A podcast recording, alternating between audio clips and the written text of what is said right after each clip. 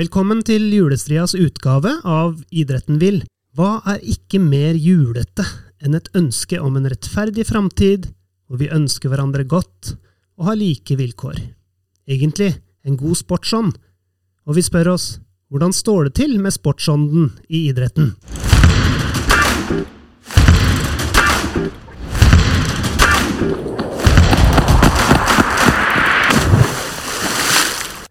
Jeg er Knut Harald Sommerfelt, og sammen med meg har jeg Johan Konradsson.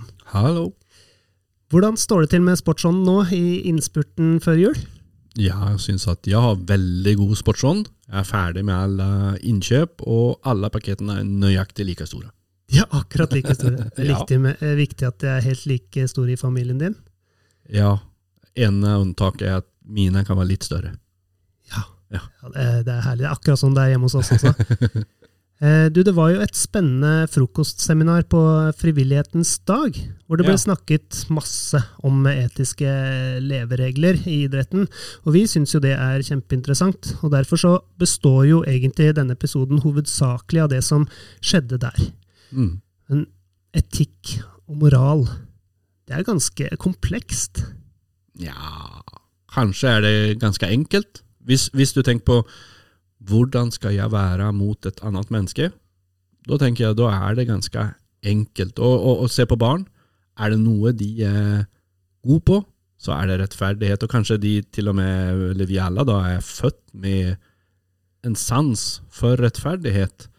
Um, alle barn vil ha det bokstavelig helt likt og er veldig opptatt av det. Så kanskje er vi født med en evne etter å streve etter rettferdighet. Hva som Mm. er riktig, og hva som er galt. Og ja, jeg tror egentlig det er ganske stor enighet om hva sportsånd er. God sportsånd betyr at jeg skal være ærlig, eh, tåle å tape, tåle å vinne. Ja, tror det er det. Ja, det er fair play, at man er real og rettferdig for, eh, for regler og for motstandere og alle involverte, egentlig. man er fair. Har fair, fair spill og oppfører seg ordentlig mot andre folk og koser seg med idretten. Her hørte vi Runar Sveen fra Viken idrettskrets, Tommy Olsson fra Norges Fotballforbund Akershus og Marianne Årenes fra Håndballforbundet Region Øst. Jeg vil tørre å påstå at eh, velfungerende idrettslag med gode verdier har bedre forutsetninger for å lykkes. De som har gode og trygge voksenpersoner, altså trenere med felles verdier, styremedlemmer som eh, jobber i samme retning eh, i, arbeidet. Og det er, det er jo de idrettslagene som har gode tradisjoner, som oftest rekrutterer bra, utvikler seg og har, har suksess, rett og slett. Mm. Og, og det er vel egentlig det tilfellet man ikke kan dele helt bokstavelig likt for at det skal være rettferdig, som vi får um, den her uh, etiske dilemmaet. For hva er det da som er eh, rettferdig? Uh, for vi har jo alle litt ulike behov, og så da må man veie opp grenser for å se at mine behov er like viktige som dine, og det blir rettferdig fordi jeg får litt mer, eller litt mindre, enn deg. Og, og da er jo spørsmålet hva, hvor går denne grensa? Mm. Jeg tenker jo mye på altså, dette med rett og galt. Um, barna mine de, de er også veldig opptatt av at det skal være likt, og, og man skal oppføre seg likt på fotballbanen f.eks. Mm. Eh, og der ser vi jo mye filming, i hvert fall internasjonal uh, fotball. Mm. Uh, det er lett å jukse til seg et frispark. Uh, Ikke lett, kanskje, men du, du skal være ganske Mm. Det god. skjer. Det skjer. Til og med straffespark. Altså, Ja. Guds ånd. Noen syns jo dette er ganske urettferdig, eh, men Ja. det har jo blitt en norm. Det har blitt eh, ganske vanlig, så er det fair play? Nei, det er jo ikke det, egentlig. Og det er kanskje derfor vi har fått eh, det nye ordet var. Altså at vi har fått en form for teknisk løsning. Eh, og så er det mange som mener at var det er egentlig ganske så dårlig løsning, eller dårlig svar. da. Men hvis vi tenker etter, eh, poenget med var, det er jo å redusere antall feil som dommeren gjør, for at uh, vi skal ha den her eh, rettferdigheten i kampen. For, det, for en rettferdighet i kon konkurransen det er grunnleggende for integriteten til idretten. Så en kan jo si at det var helt etisk riktig å innføre VAR, fordi den øker transparens i dømminga. Det vil styrke tillit mellom spillere og trenere og fans til at dommeren faktisk både gjør eh, det riktige og sitt beste. Men så har vi jo fått i alle de her andre, om det er etiske utfordringer, i hvert fall dilemmaer. Eh, Hvor mye skal man bruke den? Når skal man bruke den? Hvor lang tid skal det ta for å få det svaret her, at det blir helt nøyaktig? Og så har det jo likevel skjedd feil inne i dette såkalte varerommet. Så det var, eller er, et teknisk forsøk i en streben etter en rettferdighet. Og så står det i likevel igjen noe som hver enkelt spiller, trener, fans må forholde seg til sin egen gode sportsånd. Det å akseptere at innimellom så gjør noen feil. Ja. Og, og det å tåle at dommere gjør feil, det er jo, som du sier, da en del av det å ha en god sportsånd. Eh, vi leser jo nå eh, flere og flere utøvere i håndball og andre idretter som har opplevd eller mistenker og har blitt utsatt for kampfiksing. Mm. Ja.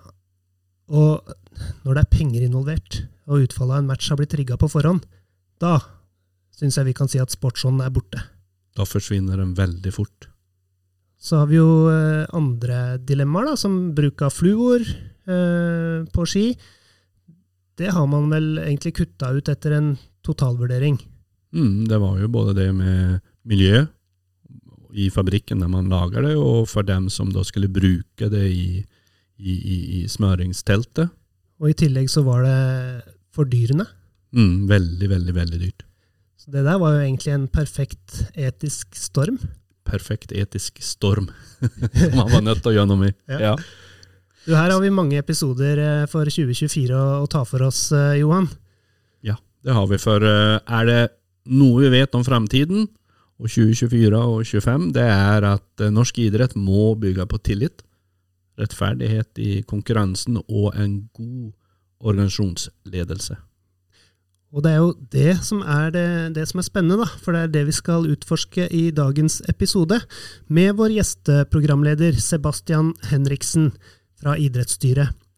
Og han har med seg gjestene friidrettspresident Anne Farseth og leder av Idrettens etiske råd, Robert Moe. Det er utrolig fint på Frivillighetens dag å kunne ha nettopp dere i det panelet. Det er vi veldig stolt over. Eh, og det å dele noen refleksjoner, noen perspektiver og erfaringer på hvordan vi manøvrerer inn i så vanskelige problemstillinger i den verden vi lever i. Eh, Hvordan syns du det her ansvaret og det arbeidet som skjer i norsk idrett rundt etikk, har endra seg fra du var styreleder i Bull, fra du var på klubbnivå, til nå å være mangeårig president og også internasjonalt styremedlem? Ser du en endring? Er vi blitt mer bevisst på det? Eh, Er vi på vei? Hvordan har det endra seg på de, de årene du har vært med i norsk idrett? Øh, Min egen opplevelse jo, har selvfølgelig endret seg veldig. fordi som, som leder i et eh, idrettslag, så jobber man jo litt eh, eller veldig lokalt og litt, litt mer sånn smått. Det er de, de nære tingene som er det viktigste. Og, og Særforbundet er litt lenger unna, NIF er ganske langt unna, og det internasjonale er fryktelig langt unna. Eh, og etter hvert som eh, rollene blir annerledes, da, så, så blir man jo tettere på, på problemstillingene som, og, så, og jobber litt bredere. Eh, Men det er klart, det har- det har vært en, jeg opplever at det har vært en enorm økning i bevissthet, og at man idretten tør å, å mene, ta plass, sette viktige spørsmål på dagsorden, og, og mange veldig bevisste utøvere som, eh, som har eh, synspunkter, og som bruker stemmen sin på en ganske så klok måte. Og internasjonalt så har man jo vært nødt til å sette disse spørsmålene på dagsorden. Så er det sikkert noen som gjerne hadde sett at man ikke hadde gjort det. Men eh, nettopp derfor så er det jo så viktig. Så det er en sånn nat naturlig reise for, for, for, for en selv, selvfølgelig, eller for, meg selv, men, men eh, det, det er, eh, det er verdensbildet selvfølgelig som, som har gjort at vi har behov for å diskutere helt andre ting og ta, ta stilling på en litt annen måte. Tror du det verdensbildet og at vi lever i en så global verden gjør at vi diskuterer det mer enn tidligere? Ja, det tror, det tror jeg er ganske sikkert. Eh, Det preger oss. Ja, det, det preger oss, ja det gjør jo det. Vi, vi kan ikke, eller man kan selvfølgelig velge å lukke øynene litt, men eh, jeg tror alle som sitter her, og alle som er engasjert i norsk idrett på et eller annet vis, vi, vi, vi samhandler jo internasjonalt. Vi har eh, konkurrenter og kolleger i, som har helt ulike rammebetingelser og, og livsforhold, så det berører oss, og da føler man jo behov for å være med og si ifra og bidra. Mm, absolutt. Og Robert, du har jo vært med å bidra på mange måter, og nå også i norsk idrett. Og ditt engasjement og virke for etikk strekker seg jo helt fra brigaden i Nord-Norge til den store, rolige verden i områder som Syria og Midtøsten gjennom ditt arbeid internasjonalt. Eh, hvordan tenker du med det bakteppet vi har i verden i dag? Det, hva, hva, tenker du om verden, rett og slett? Og hvordan er det å være leder av etisk råd i norsk idrett med det bakteppet? Hva tenker du om verden? Da blir vi sittende her. Vi har god tid. Men, eh, men når, du først, når du inviterer til den, så altså kan du ha én måte å gå inn i en forlengelse av den samtalen som har vært her nå, og f.eks.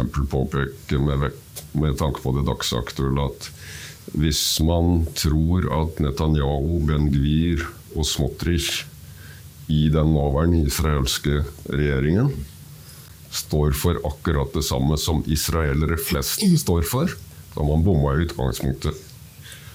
Så det er ingen sånn enhetlig greie her, ikke sant?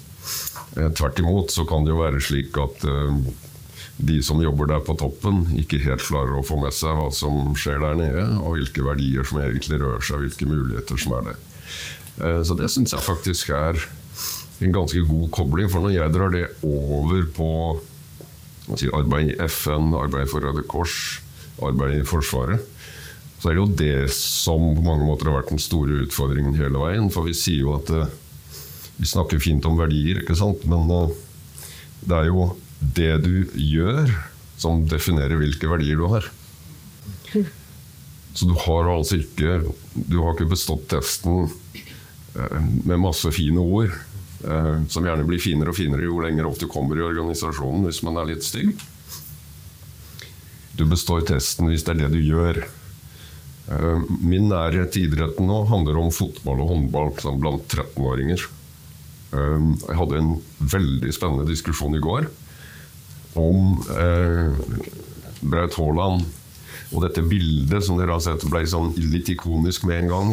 Hvor eh, han ble malt inn i maleriet 'Skrik' av Munch.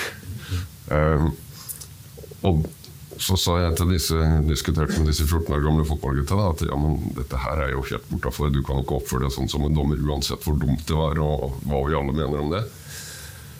Jo, jeg syns det var helt greit. Jeg synes det var helt greit. Og såpass må du jo kunne si ifra. Selv du, gamle pappa, du ville gjort det samme hvis du hadde vært på den fotballbanen. Og da har du den rollemodellbiten. Du har at det du faktisk gjør i vanskelige situasjoner, uttrykker hva du er, og hvem du er, og setter sitt preg på organisasjonen. Da jeg kom inn i idretten um, For jeg er ikke oppvokst, oppdratt i idrettshierarkiet. Da jeg begynte, fikk lov å jobbe med dette, her, så husker jeg med det forrige idrettsstyret så hadde vi en sånn diskusjon om verdier. Um, jeg kommer fra organisasjoner hvor vi har jobba fram verdiene fra bånn og opp. I en veldig tung, involverende prosess. Og så tillater jeg vel meg å si at det er så mange verdier i idretten at jeg vet sannelig ikke om, verdien, om idretten har verdier i det hele tatt. Mm. Det var da. Og nå har det jo vært en spennende prosess ikke sant? Eh, så sett utenfra, uten å kjenne idrettens organisasjon fra innsida over mange år, så ser det ut som meg som at dette arbeidet skyter fart. Og det, det involverer på en annen måte, da. Um, og blir levende. Og mye av det vi har hørt her nå, og det vi har sett uh, som Cecilie jobber med, indikerer jo at uh, her er det satt en veldig god retning, og, og det skyter fart. Mm. Så bra, Robert. Det tror jeg du har helt rett i. Og alle vi er en del av det, og den prosessen er så verdifull. Altså det å, vi lærer så mye med å jobbe med etisk og trygg idrett, med å ha frokostseminar som det her. og, og diskutere det. Og jeg tror vi alle puster letta ut over at vi har litt verdier, færre verdier å huske på enn det vi hadde tidligere. Eh, litt oppfølging. Når gjennom ditt virke, Robert, eh, har du virkelig kjent på utbytte av å ha et bevisst forhold til verdier og til det at du har arbeida mye med etikk? Når det virkelig har brent, eller når har du kjent at nå var det helt nødvendig at du hadde det med i ryggsekken? Ja, det, er jo, det er jo ofte da, ikke sant. Fordi både hvis du går til spesialstyrkene, som jeg hadde ansvar for i flere år, så handler det jo om altså hvilke verdier er det som avgjør om du trykker på avtrekkeren eller ei. Så konkret er det, inkludert når du blir skutt på. ikke sant? Så det blir veldig sånn overtydelig dramatisk. Men også for Røde Kors hjelpekorps, som da skal opp i blir forsøkt overfalt og drept av orkanen, og så skal de opp og hente det sveitsiske ekteparet som har satt seg fast i Lyngsalpene. Eller omsorgsgruppa, som skal tilnærme seg sårbare ungdommer på en, på en litt annen måte. Um, og jeg tror, jeg tror kanskje det tydeligste eksempelet som jeg, som jeg, er veldig glad i, det er en sånn uh, to meter høy, veldig kraftig, sterk spesialsoldat som han ser ut som en stereotyp spesialsoldat som dere har sett på Netflix eller Viaplay. eller hva dere har sett på. Ikke tro på hva Hollywood sier om i fall de norske. Det er bare tull. Der er det godt bevarte hemmeligheter som handler om omsorg og krav hånd i hånd. Og det de gutta der gjorde, langt bak fiendens linje i Afghanistan, det var at de kom til en landsby. Der skjønte de at det foregikk et eller annet uh, dramatisk. Og så så de på klokkene sine og sa at ok, vi har 90 minutter å gå på i forhold til det egentlige oppdraget vårt. Og så er det en fødsel som foregår, finner de ut etter hvert, fordi at tolken snakker pashto og får lov å komme inn.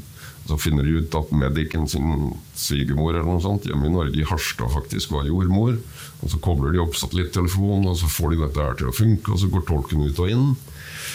Og så blir det faktisk en fortelling hvor de eksisterer i en fødsel som ellers ville gått helt galt.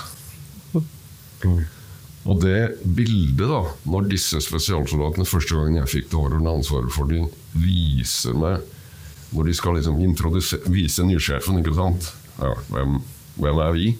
Det var han to meter høye kraftkaren eh, med tatoveringer her, men han holdt en sånn 52 cm lang en. Og så smiler han herifra og bak dit. Det er en gutt, så han får lov å holde den. ikke sant? Og han er så stolt! Han er så stolt! Fordi at de har tenkt ja, vi må tenke mye større enn det ene spesifikke oppdraget. Verdiene våre er respekt, ansvar, mot. Vi må opptre sånn at disse her får troen på de vestlige verdier og det vestlige samfunn før vi drar videre. Så gjorde de det, og så ble det vellykka. Og det er den fortellingen de byr på først. Det sier noe om laget og den lagbygginga som ligger i akkurat den opplevelsen. Styrken av verdier når du får det til å spille helt nedenfra og oppover i et hierarki, hvor det blir helt konkrete veivisere Og hvilke handlinger du foretar deg, eller hvilke beslutninger du tar, når det er krevende og når det er dramatisk. Mm. Og Det egentlige oppdraget for oss i norsk idrett er jo å skape idrettsglede. Anne, du som president i et eh, stort forbund kjenner jo nok på at det, det, er mange som vil gi oss nye oppdrag og andre oppdrag uten at overføringen fra Kulturdepartementet blir noe større, eh, og man vil skape aktivitet og idrettsglede. Hvordan er det å være leder og drive verdibasert ledelse og etisk god ledelse i dette bildet der vi blir møtt av så mye hele tida. Der vi egentlig ønsker å ha aktivitet og flere anlegg, kanskje aller mest. Eh, man må i hvert fall spille på alle gode ressurser. For, det er klart De fleste som kommer inn og har lyst til å ta en posisjon i idretten som, som frivillig, da, mm. så gjør man jo først og fremst det kanskje fordi man vil skape aktivitet. Og så er det noen av oss som er ganske glad i organisasjonen og den, den, den biten også, men for, for, de fleste så er det det å være trener, se unger få utfolde seg, se noen få utvikle seg i trygge, gode rammer. Eh, og da må de få lov til å gjøre det uten at de skal bli dynget ned av alle de andre kravene og alle de posisjonene og rollene man må fylle. Så, så, prøve å holde kravene nede tror jeg er ganske viktig. Samtidig så må vi jo levere på mange viktige ting. Men da er det kanskje andre som kan trekkes inn og være med på å, å fylle de rollene. Eh, så, så, det å gjøre eh, organisasjonen sånn at man har faktisk lyst til å være med og kan få lov til å bruke de egenskapene og styrkene og den tiden da, ikke minst man har, det tror jeg er den beste måten på for at vi ikke utfordrer frivilligheten for mye. For alle kan ikke være kjempegode eller ha masse engasjement for alt. Vi alle brenner jo for ett et eller annet, og summen av det kan bli ganske bra, men uh, vi, må, vi, må, balansere dette. Mm, og det å balansere det, og, og, det å bruke laget rett. Noen trives med å være hjelpetrener, noen trives med å sitte i mm. særforbundsstyrer, noen henter energi her og noen henter energi der. Det tror jeg er kjempeviktig. Du skal også være med å utvikle friidretten i Europa de neste årene, og ble i mars valgt inn i Det internasjonale forbundet som styremedlem. Hvordan har det vært å komme ut på den internasjonale arenaen eh, der ute? Er det bare godt voksne menn i altfor store dresser, eller er det flere spreke damer som deg der? Det er, det er ikke bare godt voksne menn, det er det ikke, men det er mange godt voksne menn. Og det er jo internasjonal friidrett er nok eh, litt, litt mannsdominerte, det tror jeg man må få lov til å si når dette europeiske friidrettsforbundet. Så de har hatt en litt eh, større moderniseringsreise, kanskje. Eh, og ved valget nå så var det en ganske sånn stor utskiftning egentlig i, i styret. Og det er jo kanskje noe av det viktigste å være med på å prøve å velge de riktige folka inn for å få de riktige verdiene og for å få de riktige debattene. At man tør å utfordre litt og, og blir lyttet til. Og det opplever jeg absolutt at er mulig. Så det har vært eh, så langt veldig spennende. Og veldig eh, stort ansvar, egentlig. Mm. Man skal jo forvalte noe som er viktig for enda flere enn det. Selv om vi er et ganske stort særforbund, så er det europeisk friidrett er, eh, er, er stort. Og det er eh, ulike kulturer og ulike oppfatninger om mangt og meget utover idretten også, som vi kommer borti. Så det må forvaltes godt. Ja, Vi er jo en liten del av en stor internasjonal verden. Ja. Opplever du at Norge får gjennomslag, og basert på vår strategi, verdier verdt å kjempe for, og, og vårt arbeid med etisk og trygg idrett, eh, blir vi lytta til, og får man gjennomslag internasjonalt? Ja, det, det opplever jeg definitivt. og nå, nå kan jeg først snakke for det europeiske. Men eh, der opplever jeg at interessen er veldig stor for det arbeidet vi, eh, vi driver med. Og hadde gleden av å ha med meg noen til eh, Cecilie og co. som hadde en strålende presentasjon for oss av hvordan det jobbes med nettopp verdiarbeid i, i eh, Norge. Og det var det stor interesse for, og det ble trukket inn i, eh, i European Athletics sitt, sitt arbeid videre. Jeg sitter her selv i, i den kommisjonen som har dette ansvaret, så, så det, er, det er faktisk en ganske god overføringsverdi. Det er litt sånn look to Norway, og så kan det høres litt sånn eh, arrogant ut, men, eh, men det er, eh, vi skal ikke være så redd for å dele på det, vi har, eh, det som er bra hos oss. Vi blir ikke dårligere av det, tvert om. Nei, og Det ligger jo i norsk idretts kultur, og fra Sognsvann, fra Olympiatoppen, det å dele på tvers for å bli bedre. Så det var spennende det du sa, at dere hadde vært på besøk her med en delegasjon og oss, våre flinke folk for å lære. Og det, Da tilfører vi også noe uten at vi, vi blir opplevd som arrogant og at alt er bedre i, i Skandinavia. Er det noen ganger du kjenner på at det er vanskelig å være norsk, det å være idrettsleder eh, i et norsk særforbund? eh, og så skulle jobbe med saker eller ta stilling til spørsmål eh, i det europeiske. Det har ikke vært på, kommet på spissen enda, men det er klart Norge har en sånn viss standing, for vi har, vi har jo hevdet oss veldig godt. Så vi er en, et, et lite land, men en stor friidrettsnasjon. Ja, Da må du akkurat løper når du kommer med Warholm, Ingebrigtsen Det håper jeg det ikke gjør.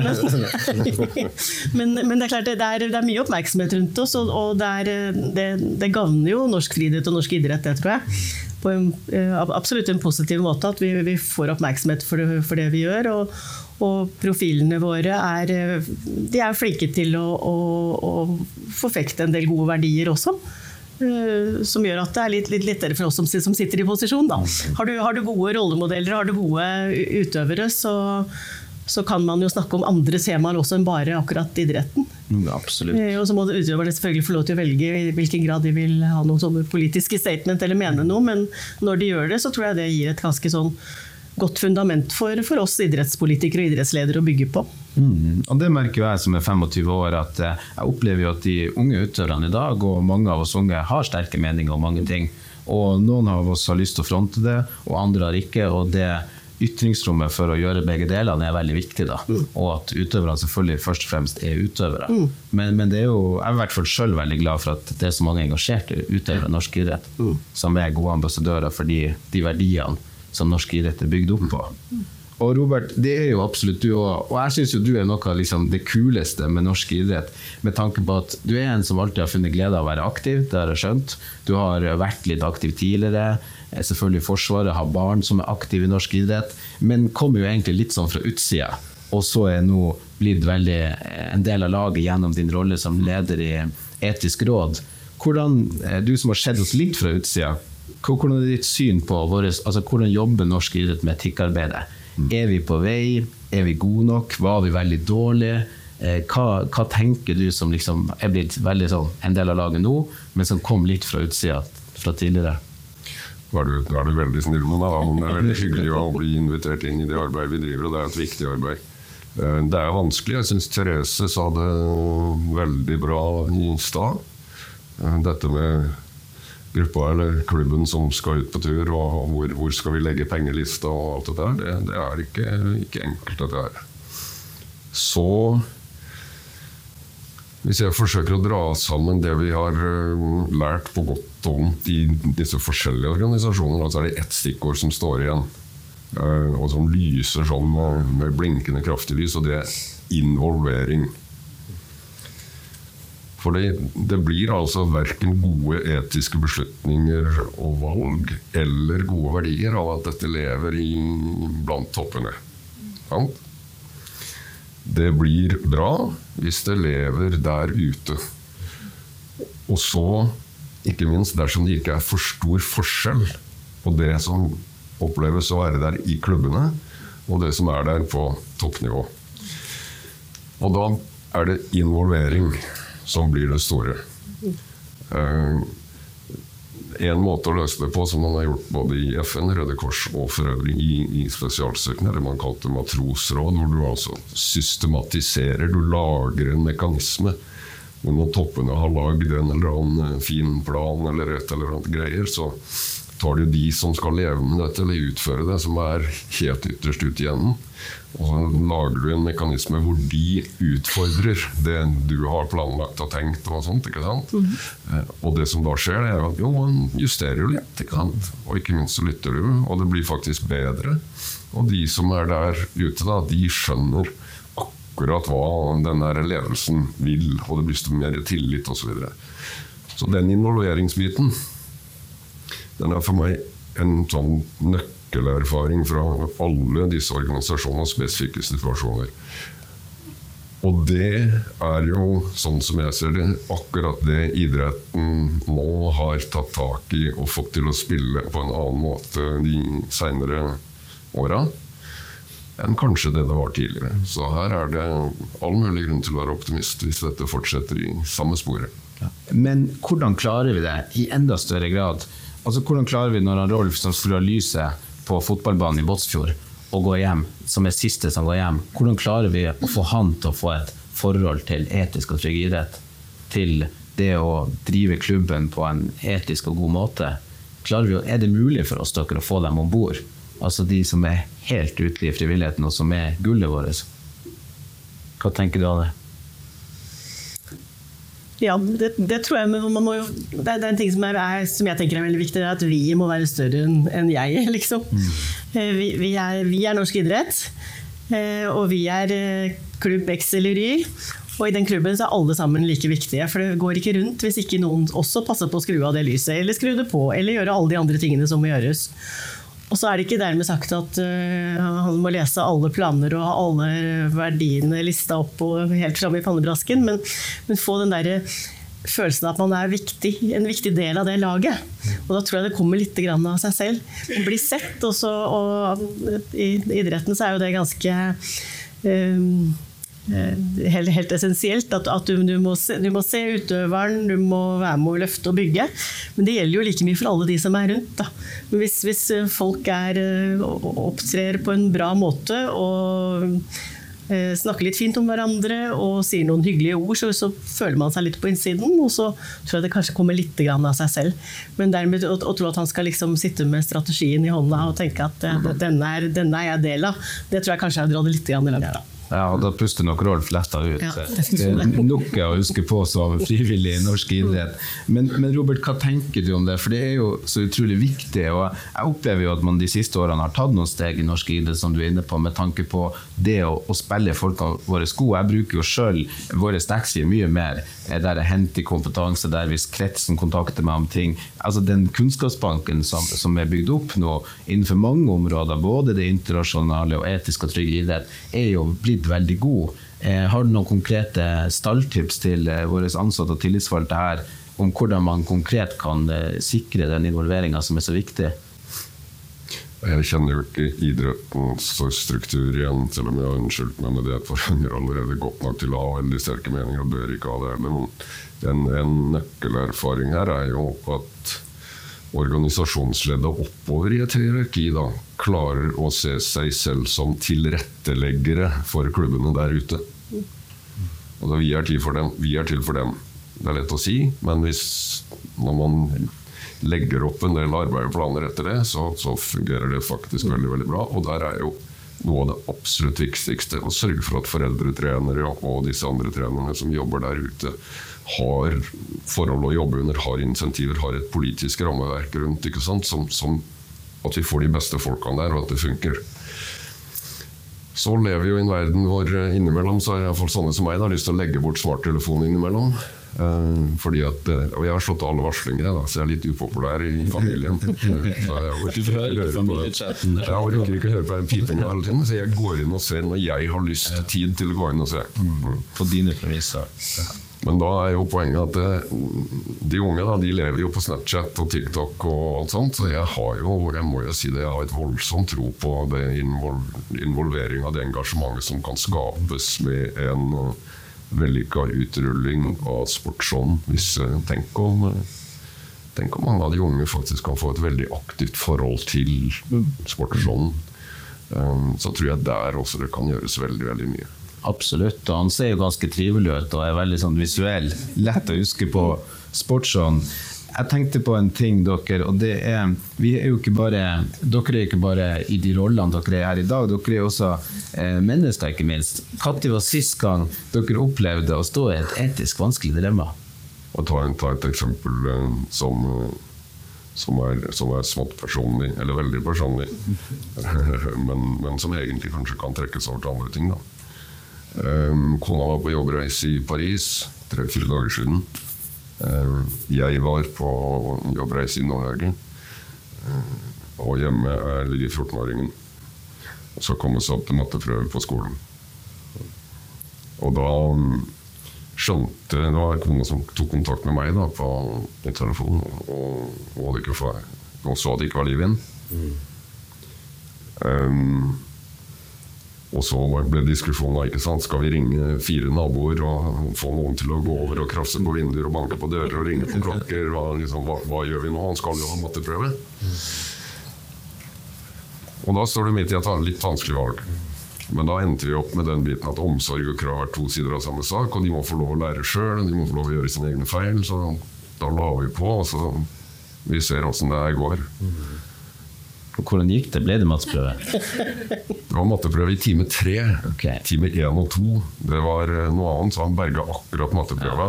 Ja, egentlig så var det restitusjon. Du så det for ham når vi kom hjem, at han, han, hadde, han, hadde, fått med seg et poeng som han hadde kjent på sjøl. Mm. Mm. Takk for at du delte det, Robert Waas. Anne, når var sist du, du sto i et dilemma? Det har jo storma litt rundt oss i det siste. Eh, og uten at jeg skal gå så veldig i detaljer der, så vil jeg jo si at det har vært noen dilemmaer knyttet til det. Absolutt. Eh, det blir, det blir rart å være sånn veldig, veldig detaljert der, men, men den derre avveiningen mellom Uh, hvordan man skal fremstå, skal, hvor mye man skal si, hvordan man skal verne om. Det er definitivt et dilemma. Og da er jeg ganske jeg, jeg føler nok ganske selv hvor, hvor min uh, lojalitet, eller hvor min uh, integritet pe peker meg. Uh, og så kan jo det bidra til at stormen blåser litt mer enn den skal, men da får det så være. Så må man stå i det. Ja, det er ganske heftig. Vi har jo alle fulgt det. Du er jo både jurist, direktør, president, altså en ganske alvorlig dame, men blid dame. Hvor, hvor søker ei sånn der råd, da, når du står i en sånn storm? Og i, liksom, i så mange krevende etiske dilemmaer og kommunikasjonsfaglige vanskelige. Mm. Hvem sparer du med, eller hvor henter du Akkurat det med, med, rollene er faktisk det er litt så viktig å ha oppmerksomhet på. og det, det, prøver jeg å være veldig bevisst på, at jeg har mange roller som kan krasje litt med hverandre. Så jeg prøver å skille rollene mine ganske godt. Men eh, jeg har jo flokken min sånn helt personlig, i mine nære mann og barn, som jeg kan, kan spare med om, om, noen ting, i hvert fall. og som alltid alltid er noen som, eh, som, støtter, men så har jeg noen gode venner i ulike kretser. Og så har jeg I idretten så har jeg en, eh, et veldig godt samarbeid eh, både i, i styret og administrativt. Eh, samarbeider veldig godt med en kjempegod GS. Og det har vært helt uunnværlig. Og det er begge veier. Ja, det tror jeg nok, og det er så viktig igjen, det sterke, gode laget. Og at man er robust og trygg i lag. Så tusen takk til Robert og til Anne for samtalen. Og med det så takker vi for at du var med oss i dag, og vi ser fram til å utforske flere aspekter av sportsånden i kommende episoder. Ha en fantastisk jul, og husk å spre godhet og rettferdighet, både på og utenfor idrettsbanen. Vi høres! Vi høres.